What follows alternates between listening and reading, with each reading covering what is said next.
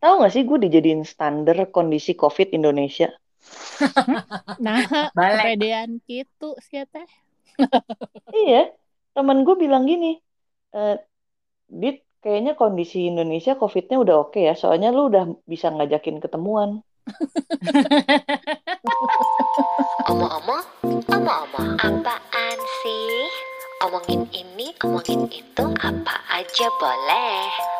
Omong-omong, omong-omong, omongin ini itu, ayo kita mulai. Syukurlah ya kalau begitu. Tapi siapa nih yang baru dari Bali nih? Eke, Eke, Eke. Hmm. Udah liburan COVID. aja lu. Iya. Iya. Sebenarnya itu kemarin kan spontan banget ya sama si Alex dan anak-anak doang. Gue cuman bawa cuman bawa dua anak dan suami. Iyalah. Karena ya sejujurnya ketika kita sampai di Bali ternyata semua orang itu membawa dengan mbak dan cusnya. Kayaknya tuh cuman gue doang yang nggak bawa mbak dan cus. Lalu Iya, iya. Hmm, lalu eh, sebenarnya kita lewat jalan darat dari Bandung eh, kita sampai ke Surabaya dulu, lalu nginep semalam cuman buat tidur supaya enak gitu ya, nyenyak. Lalu Mm-mm, besoknya lanjut lagi Surabaya lah sampai ke Bali gitu. So far sih di perjalanan aman. Lalu kan kita juga eh, pakai tes-tesan dulu antigen gitu kan. Syukurnya negatif ya Kak, dua Hmm. kali itu berangkat dan pulang. Eh, Mm-mm. sesampai di Bali yang tak kusangka adalah ketika eh, kita masuk ke hotel, kan memang hotel itu okupansi hanya boleh 50% ya dari 100%. Pas ditanya itu okupansinya berapa ya hari ini? 40 sampai 45% dong. Ya kan masih di bawah, Kak. Tapi kan tetap aja Oh. berarti dari 50% yang semestinya dia sudah hampir mau 100% loh. Ya.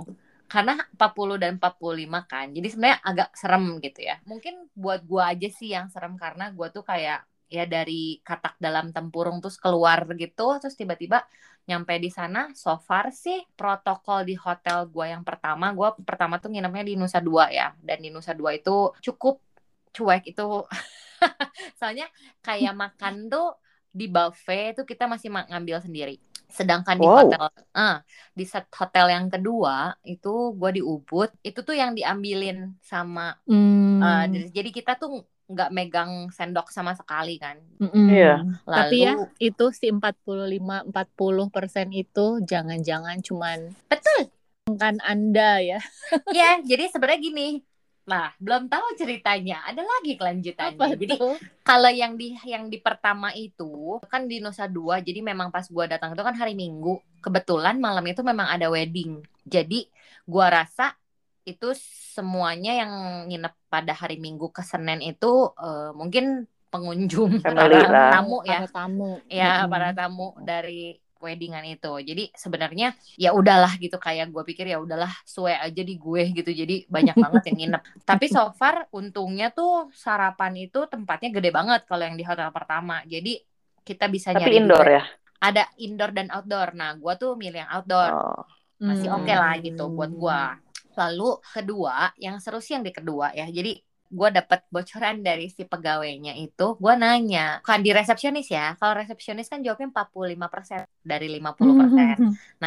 Terus gua nanya eh, kayak ke pegawainya di saat anak-anak gua animal feeding gitu. Kan di sana pas lagi memang ada animal feeding ya. Ada kelinci, ada embe, ada sapi, Oh. ada bebek, ada otter gitu ya. Itu kamu maaf tinggal di kebun safa Bali Safari apa gimana Put? Oh, kita sudah ke Bali Zoo-nya sebenarnya sebelumnya, Oh, ya, tapi Zoo. di tempat itu tuh ada gitu ya dan jadi ada ada kebun juga gitu ya nah jadi anak gua tuh lagi main di situ terus gua nanya kan ke si pegawainya gitu kan. Kak kata saya tuh kalau biasanya kalau di sini okupansi berapa sih? Gua nanya juga gitu ya basa-basi. Dia ngomong biasanya sih kalau weekday sih paling 50% sih kata dia teh. Hmm. tapi kalau weekend dia ngomong gini kalau weekend tuh bisa hampir kayak 100% gue sampai hah?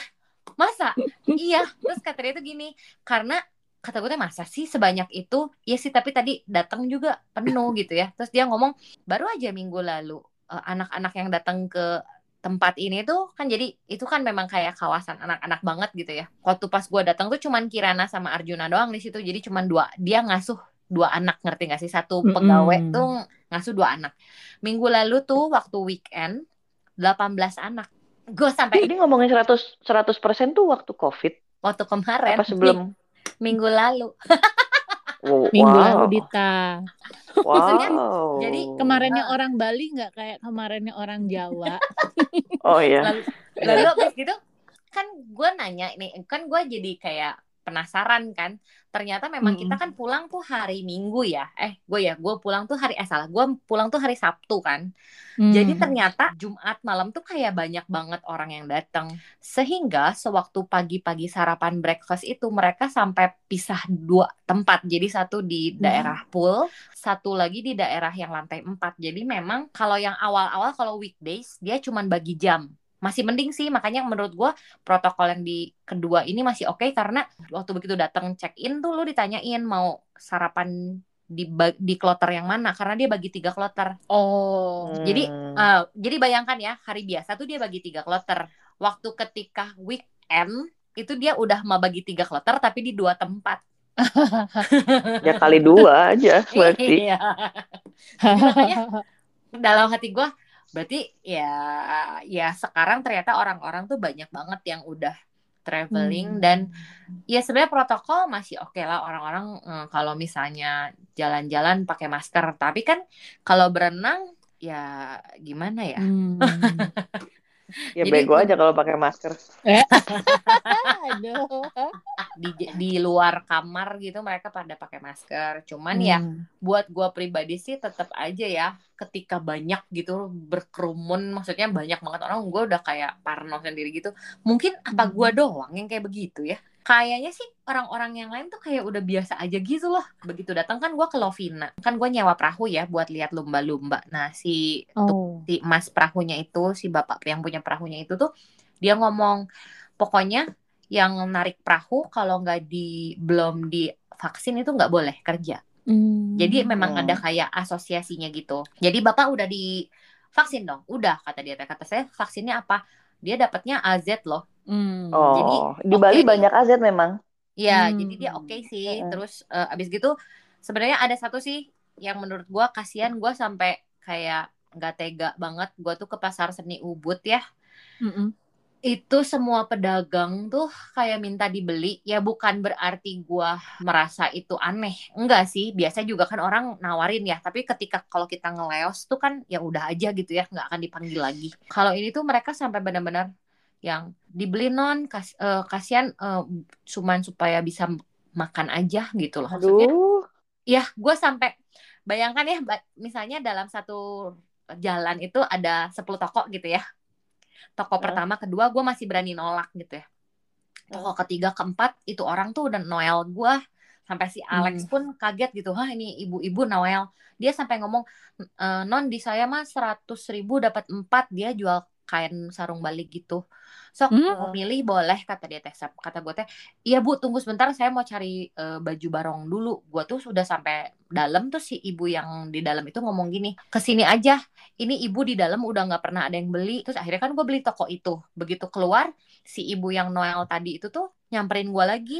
Gue sampai ngomong aduh bu ini teh udah udah belanja di dalam. Kata gue teh saya juga nggak bisa eh, apa ya belanja banyak karena kan gue juga ada budget gitu ya. Eh, Mm-mm. beli satu aja tolong beli satu aja. Nggak apa-apa buat ibu supaya eh, ibu ada untung. Gue beli satu di dia di sebelahnya juga minta tolong dibeli dong. Jadi Aduh. kata gue teh ya udah deh bu ke ibu satu ke ibu satu bagi-bagi ya kata gue teh. Akhirnya gue bagi jadi ke ibu satu yang jadi si toko A gue satu toko B gue satu. Jalan satu lagi selangkah lagi di depan udah beres ditarik lagi gue tolong sok ini udah ibu kasih modal lebihin dikit aja dari modal ibu eh, supaya ibu bisa makan. Kasihan sih ya mereka. Gue Aduh. gue bener-bener ke pasar seni ubud pertama kali. Bener-bener sampai gue beli cuman beli gelang 7000 perak ya buat sikiran. Itu sampai uangnya dikepret-kepretin ke dagangannya dia sampai Barangnya. ngomong sih Hmm. laris sih laris iya gue sampai masuk mobil tuh ya gue sampai ngomong Lex gue nggak tega ya terus Alex cuma ngomong gini ya kalau kita sultan sih kita bayar beliin satu-satu ya tapi kan ini nggak bisa juga ya gimana ya pengen nolong mah pengen ya tapi udah gimana kita juga pusing sih ya beneran Hmm. ke sana Hmm. Ubud ya gila ya Ubud. Aduh. Ubud loh. Oh, terus ada toko-toko kecil kanan kiri. eh, lu bisa Hmm. jalan kaki, semuanya full Betul. gitu ya. Kemarin Iya. di sana satu toko lalu selang dua toko kosong beneran kosong kaca gitu ya bener-beneran kosong gitu Terus, Tutup, tutup, Hmm. bangkrut. Iya. iya kayak Oh. aduh bener-bener kalau dulu tuh kita ke Ubud tuh ke Monkey Forest or ke Ubud gitu kan lo seneng banget ke jalan-jalan itu tuh lo bakal lihat kanan kiri gitu ya bahkan Iya, eh, bener. bahkan ada kayak rumah makan gitu yang tadinya di Google tuh masih ngomong open anjir gue ke sana tutup dong Hmm. jadi kayaknya Aduh. kasihan bener jadi memang mereka kan ya selama sebelum pandemi kan pasti penghasilannya tuh dari Bener. itu gitu ya Hmm. setelah kemarin ke sana tuh sedih sih ngelihatnya bener kayak banyak yang tutup terus Hmm. pem- penjual lokal pun kayak maksud gue itu setengah mengemis loh ya maksudnya udah sampai begitu gitu jadi Hmm. kasihan sih mereka buat gue sih kasihan mereka tuh udah tidak bisa apa ya bergantung dengan jualan lagi mungkin karena kan wisatawannya nggak sebanyak itu dan kan banyaknya lokal ya lokal mah Mm-mm. lu juga nggak akan bisa jual tiga kali lipat kali ya sedangkan kalau ke Mhm. bule kan mereka mintanya dolar gitu or bisa lah gitu dinaikinnya gede banget gitu nah ini enggak gitu jadi Ya. Mm. ya sebenarnya berkurang sih gua rasa gua bahkan yang dibeli baju pertama itu tuh si ibunya kan gua beli rada banyak terus dia saya sampai dia nawarin terus kan ini lagi atau non satu lagi ini lagi satu lagi kata gue enggak bu saya juga beli banyak-banyak nanti gimana ya kata saya teh "Da- nggak boleh nggak boleh buang-buang uang dulu nih sekarang kataku tuh terus dia sampai ngomong iya nih sekarang ibu juga kalau ke pasar tuh bawa uang secukupnya Jadi di situ tuh nggak ada orang lain, Put. Emang pembelinya lu doang. surprisingly di saat gua datang itu kayaknya cuman ada tiga empat Hmm. mobil gitu terus nggak lama sesudah gua mau pulang tuh parkiran rada penuh Hmm. Ya Oh, semoga ya. lumayan. Mm-mm, Heeh. Semoga begitu terus ya.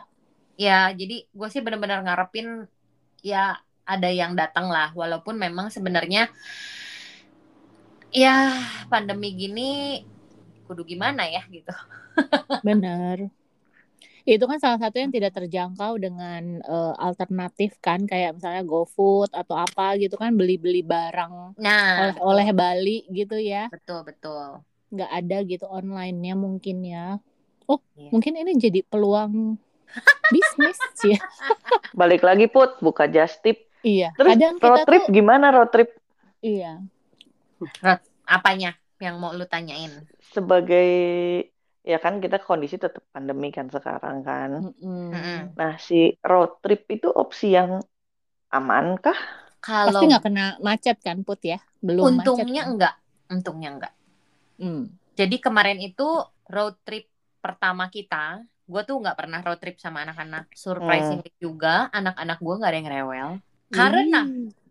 mobil kita dilengkapi dengan eh, internet. Dolby. Hah? Iya. Surround you. Hah?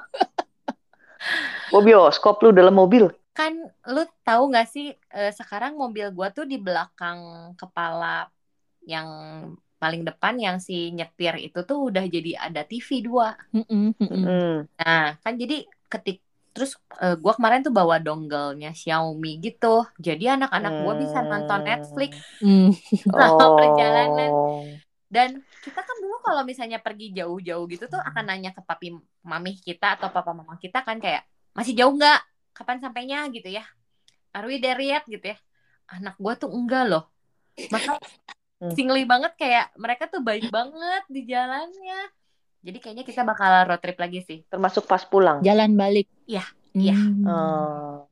Eh, Tapi mereka bisa tetap menikmati kota-kota yang dilewatin, pemandangan-pemandangan enggak kalau lihat Netflix terus? Nah, enggak. Jadi memang mereka tuh enggak. Jujur banget langsung enggak. Enggak. Mereka tuh enggak. Lagian kan kalau si Arjuna itu begitu lihat pemandangan, dia kan muntah, Kak.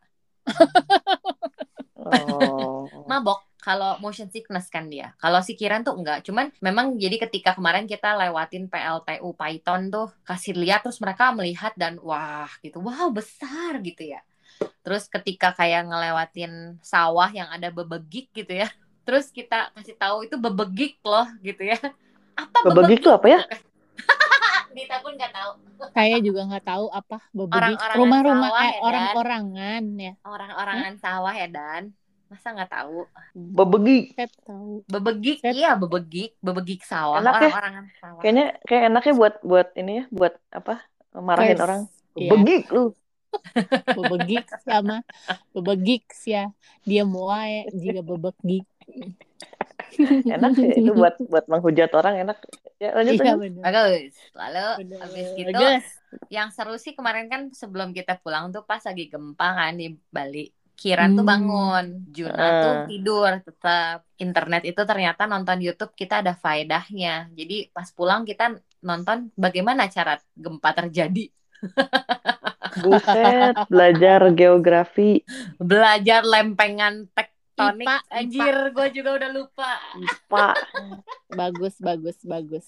Jadi tidak hanya yang nuang-nuangin terus jadi eh, lava-lavaan, tapi tahu Bukan. gempa sekarang. Iya, udah Oh, belajar itu- gempa. itu itu YouTube-nya Puput ya, yang lava-lavaan itu. ya banyak hal lah anak-anak juga jadi belajar terus ya kalau ditanyain tadi aman hmm, so far sih kita merasa cukup aman ya karena kan di mobil terus juga terus Makan siang, makan malam? makan siang tuh eh, kita kebanyakan eh, gue itu kan mamak-mamak rempong ya memang Iya. jadi tuh Kasih bawa, tips dong, Kak. Ya, kasih tips dong, Kak. gue tuh bawa kompor sendiri kayak Aduh, Tipsnya ditolak Ervina. iya banget loh. nah ada yang gue nggak lupa nggak bawa gue tuh nggak bawa rice cooker Aduh, enggak itu juga enggak loh. Mohon maaf. jadi Kan orang yang trip tujuannya kuliner langsung stres dengernya. oh, lalu kuliner ada masak lagi. sendiri. jadi Apa bedanya sama di rumah? Eh tapi itu kan menjaga supaya anak-anak gua nggak makan gorengan terus juga. Menurut gue itu menjaga anak gua nggak sakit selama satu minggu itu udah surprisingly juga. Biasanya kan gue cuma takut demam lah, tenggorokan radang lah. Anak-anak gua pun jadi belajar cara memasak nasi dengan kompor doang dan disepan. Oh. Jadi gue pun kemarin akhirnya beli beras karena beberapa kali gue sama si Alek makan di warung gitu. Jadi kan kayak sama kita tuh di take away. Kalau nggak makan di tempat tuh nasinya tuh keras banget. Hmm. Ya jadi makanya akhirnya gue masak sendiri tuh memang pengen makan nasi enak aja sih. Nasinya Maklum tuh yang- saya belinya bubur laut tak, jadi bubur. Udah enggak nasi. Kalau bubur keras itu gimana? Iya, gitu. Nggak laku banget apa gimana? intinya sih kemarin makan ada beberapa yang kita makan di tempat. Begitu kalau misalnya kita lihat penuh ya kita putar balik sih. Tapi akhirnya banyak yang kita bungkus juga. Jadi sebenarnya kaget banget pas lagi datang ke warung Cahaya yang gua tanya itu loh ke Luna. Hmm. Mana sih itu? Kan tempatnya ternyata nggak segitu besarnya. Tapi Iya. itu penuh kak. Pasti kan kecil. Itu penuh dan tidak berjarak kak. Biasanya ya, Put. Hmm. Ngantri Iya. sampai bisa 3 sampai 5 meter di luar. Nah ini enggak untungnya. Untungnya begitu datang gue langsung pesen langsung Hmm. ada. Cuman itu penuh. Jadi tidak hanya penuh tapi bludak. Kalau dulu. Berarti kemarin aman. Iya. Cuman Hmm. gue sih kalau disuruh makan di situ gue nggak berani gitu. Jadi gue tetap Oh. bawa bekal di tapau aja di take away. Lalu kita makan di mobil. Hmm. Terus kalau yang tempatnya luas gitu dan eh, besar dan ada jarak-jarak itu gue makan di tempat sih. Kayak Hmm. kemarin kita di Solo makan ke eh, soto gading yang suka didatengin sama Pak Oh. Jokowi. Hmm. Itu Ya. kan tempatnya memang terbuka ya. Ya udah aja gue makan Ya. di situ gitu. Aman-aman sih kalau kayak gitu. Nah, kalau ngomongin makan di luar masalah Bali kemarin, kalau lu gimana, Le? Udah berani makan di luar? Apa gimana? Gua makan di situ di tempat udah berani, tapi juga sama kayak Puput, lihat-lihat ada berapa pengunjung di dalam. Jadi kalau misalnya di mall gue belum berani, Hmm. Hmm. Em, mungkin pernah deng, apa enggak ya? Pokoknya yang lebih gue inget adalah kalau misalnya nggak kepepet banget atau kepepet tuh dalam artian misalnya ketemu siapa yang dari jauh terus ya udah meet up di sana atau kalau misalnya nggak penuh gue akan makan di situ tapi juga ya Hmm. kita akan cuci tangan eh, buka maskernya cuma pas makan nanti udah beres pakai lagi walaupun masih ngobrol gitu kayak gitu sih dijaganya kalau lu dit gimana dit eh, sebagai orang yang menjadi acuan negara ini Berat ya. Berat sekali eh, ini mandat Anda. dengan dengan orang yang protokolnya paling lebay di grup ini. Ya. Ya, gue belum, gue belum makan di tempat, gue belum dine in, dan kalaupun gue take away, gue masih panasin dulu. Oh. Kecuali, kecuali kemarin gue pengen Mm-mm. salmon sashimi, itu nggak gue panasin. Karena Ya, kalau gue panasin, mateng. Tapi Dit, berarti kamu jadinya makan di mobil pun enggak. Kalau gua kan soalnya gini, misalnya kaki lima nih, Mm-mm. gua nggak akan makan di sana. Gua akan bungkus, makan di mobil. Atau gua akan request, Pak tolong bikinin nanti anterin ke mobil. Makanlah di So mobil. far belum, so far belum. Karena nggak bisa lu panasin kan? Karena di mobil gue nggak bisa panasin. Iya. Kalau makan di mobilnya gue nggak masalah, tapi asal udah dipanasin gitu. Betul. Masalahnya kan nggak bisa manasinnya kan. Aduh, gue kemarin seminggu kemarin bolak-balik ke tempat gue bikin tas ya, tukang jahitnya Hmm. gitu. Mm-mm. Sepanjang jalanan kan tukang makanan ya. Iya. Di Indonesia tuh kan di mana pun jalan mana pun sepanjang jalan pasti ada tukang makanan kan. Itu Iya. tuh Iya. kalau gue nggak pandemi, gue pasti beli. Mau ayam yang itulah fried chicken yang pinggir jalan tuh gue suka.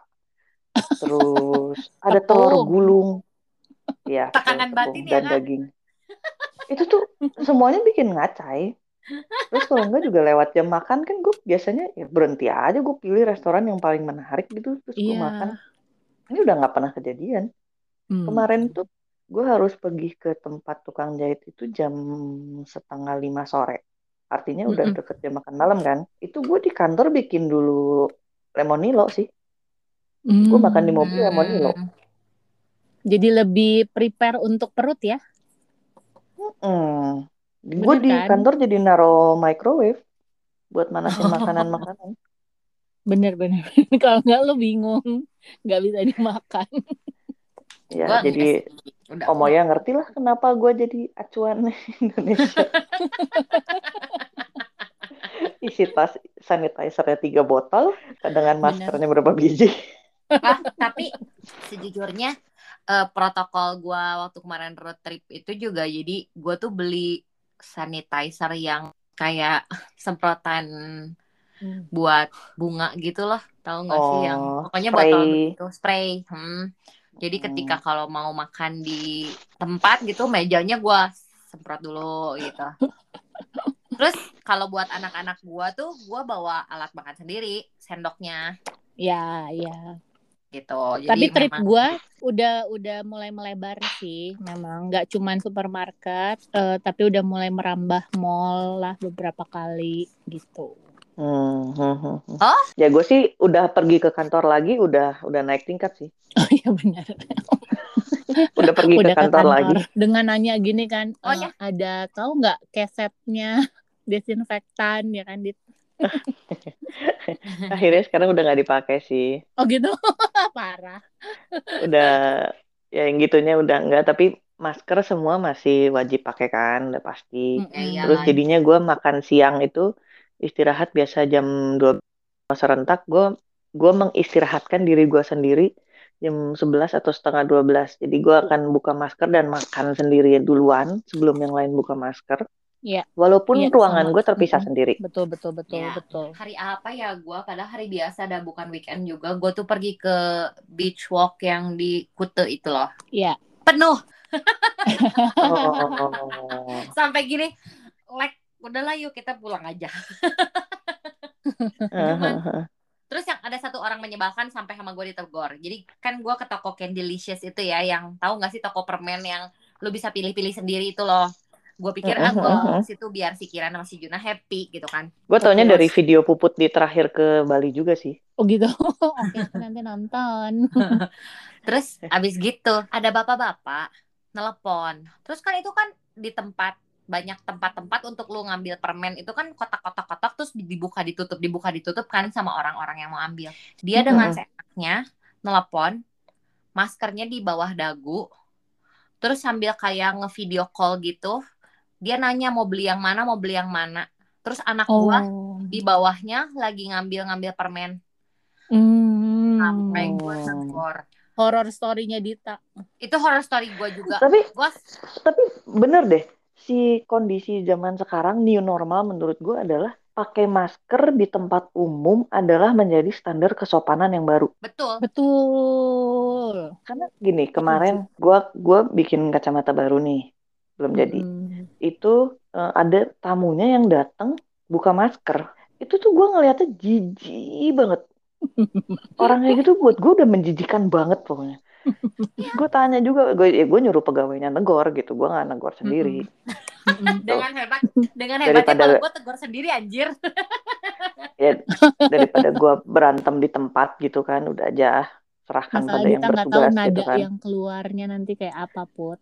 Oh, Ya dan itu bapak-bapak. Heeh. Oh. Gawat, gue bisa berantem di tempat itu sih. Terus ada lagi ya waktu itu, waktu gue ke eh, tempat tukang jahit gue, tempat gue Mhm. bikin tas itu, itu ada satu kali belum jam makan, jadi gue nggak prepare makanan, tapi gue lapar. Jadi gue ke Mhm. Indomaret, Mm-mm. gue ke Indomaret mau beli roti lah. Kalau roti kan ketutup gitu, oke nggak gue panasin karena suatu kondisinya sudah tertutup. Mm-mm. Terus gue ke situ terus ngantri kan, Mm-mm. ngantri depan gue cewek. Gue nggak lihat dia pakai masker apa enggak. Tiba-tiba ada satu cowok masuk nggak pakai masker. Nggak pakai masker nyamperin cewek yang ngantri depan gue ternyata cewek depan gue juga nggak pakai masker. Apa? Udah jijik banget kan ya. Lihat mereka tuh gue udah jijik banget ya. Terus tuh tahu yang cowok itu terus ke mana? Ke mana? ke rak obat-obatan. Terus dia batuk-batuk. Si koplok ngambil tolak angin mana sih nggak enak badan tapi masker juga nggak dipakai pengen gue sumpahin sih Gila sih ya, gila sih ya. Gila sih itu horor. Nggak sih? Bilang ke satpam anjir. tapi Gua sih ya gitu kan gue kan ke daerahnya kan daerah yang rada kampung kan gue kan Hmm. mencari harga murah ya jadi gue mencari tukang-tukang jahit yang di sekitar situ Mm-mm. Nah. ya di situ mah nggak pakai masker semua sih semua nggak pakai masker itu sepanjang jalan tukang-tukang tukang ayam goreng telur gulung gorengan semua juga nggak ada yang pakai masker gimana gue mau beli Aduh. yang gue liatin tukang makanan semua ya Iya, iya, iya, iya, iya.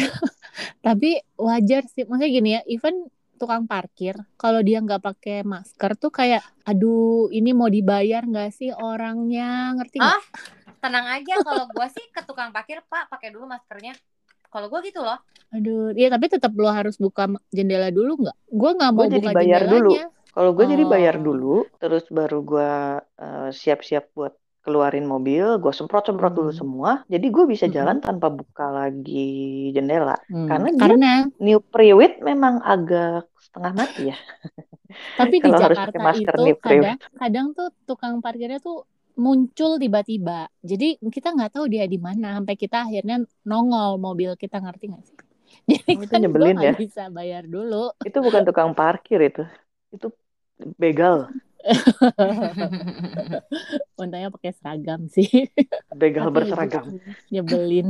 Tapi gue berani loh untuk menegur. Gue sampai eh, si gue dengan hebatnya tuh kayaknya gue agak sedikit melotot karena gue kesal banget sama orang itu dan akhirnya gue cuman mas tolong dipakai ya maskernya terus dia tuh langsung Hmm. pakai terus si pegawai yang di toko itu pun sampai sampai kedengeran gitu kan karena gue ngomong terus dia emang ada yang nggak pakai masker terus kata gue tuh itu pak udah saya tegur kok Hmm. keterlaluan banget Ya itulah, tapi jadinya juga kita memang walaupun kayak udah turun kasus kayak di berita-berita nggak mengerikan lagi gitu kan. Mm-mm. Tetap sih masker tuh harusnya nempel permanen gitu nggak sih kalau keluar rumah? ya jadi memang sekarang tuh Ya. kalau pergi nggak pakai masker itu kayak nggak pakai baju kak Ya, bisa lah gitu ya. Mm-mm. Kayak Enggak kurang juga, enggak, enggak, enggak, enggak, enggak. Kalau lu nggak pakai baju, gua nggak rugi. Tapi kalau lu nggak pakai masker, gua bisa rugi. Enggak juga sih. Gua nggak terlalu masalah sih. Lu mau jalan-jalan telanjang juga gua nggak nggak rugi apa pun sih menurut gua. Lu kayak jalan-jalan lempar-lempar pisau tuh nggak? bisa bener Bisa bener, bener. mencelakakan orang lain. Nah, terus ya di luar dari si covid-covidan ini yang pakai masker-masker ini juga sebenarnya kita tuh harus mulai berjaga-jaga eh, apa? Kita mau liburan akhir tahun, jangan sampai gara-gara sekarang ini terlena jadinya kita bersusah-susah lagi nanti akhir tahun ya kan? Iya. Ya betul. Eh, yang epidemiolog yang di Griffith University itu kan mem- memperingatkan kita ada prediksinya bisa ada gelombang ketiga di akhir Desember awal Januari puncaknya. Hmm. Jadi Tidak. ya jadi nggak boleh lengah lah. Ya. Dia bisa bisa gini katanya tuh bisa ada gelombang ketiga karena mobilitas dan varian baru. Wah, varian baru deh mah lieur euy. Yang kemarin bikin booming varian baru. Yang kemarin bikin booming prokesnya lupa ya.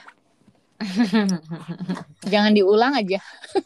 Pokoknya asal Kemarin bikin Asal booming jangan- yang bansos nyogok. dikorupsi, yang bikin Karantina. booming yang artis Yang kabur karantina. karantina. Iya. karantina, ya kan? Maaf, maaf Yang bukan anti- artis, eh, sok Oh, bukan. artis gitu, selebgram ya. Nakesnya yang nggak terima. Mirzani, duh gue udah kayak gosip gini. Kata Nikita Mirzani ini nggak pertama kalinya. Marilah kita tetap menjalankan protokol kesehatan. Iya, bawalah sanitizer tetap, masker cadangan juga, dipakai juga. Terus apalagi Dita Puput minum vitamin ya. Oh iya. Sanitizer jangan cuma dibawa, dipakai. Oh, iya.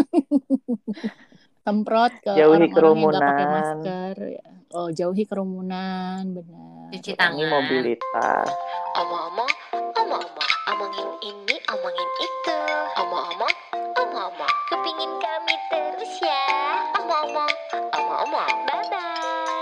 Mau gimana? Sok, silakan Ya udah. dimulai. Lanjut, Hmm, saya nggak tahu tahu ceritanya nggak? Van Van. Hmm. Eh, mulai. Eh tapi Eh, tahu nanti nggak, masukin jinglenya gimana ya? Tahu ah.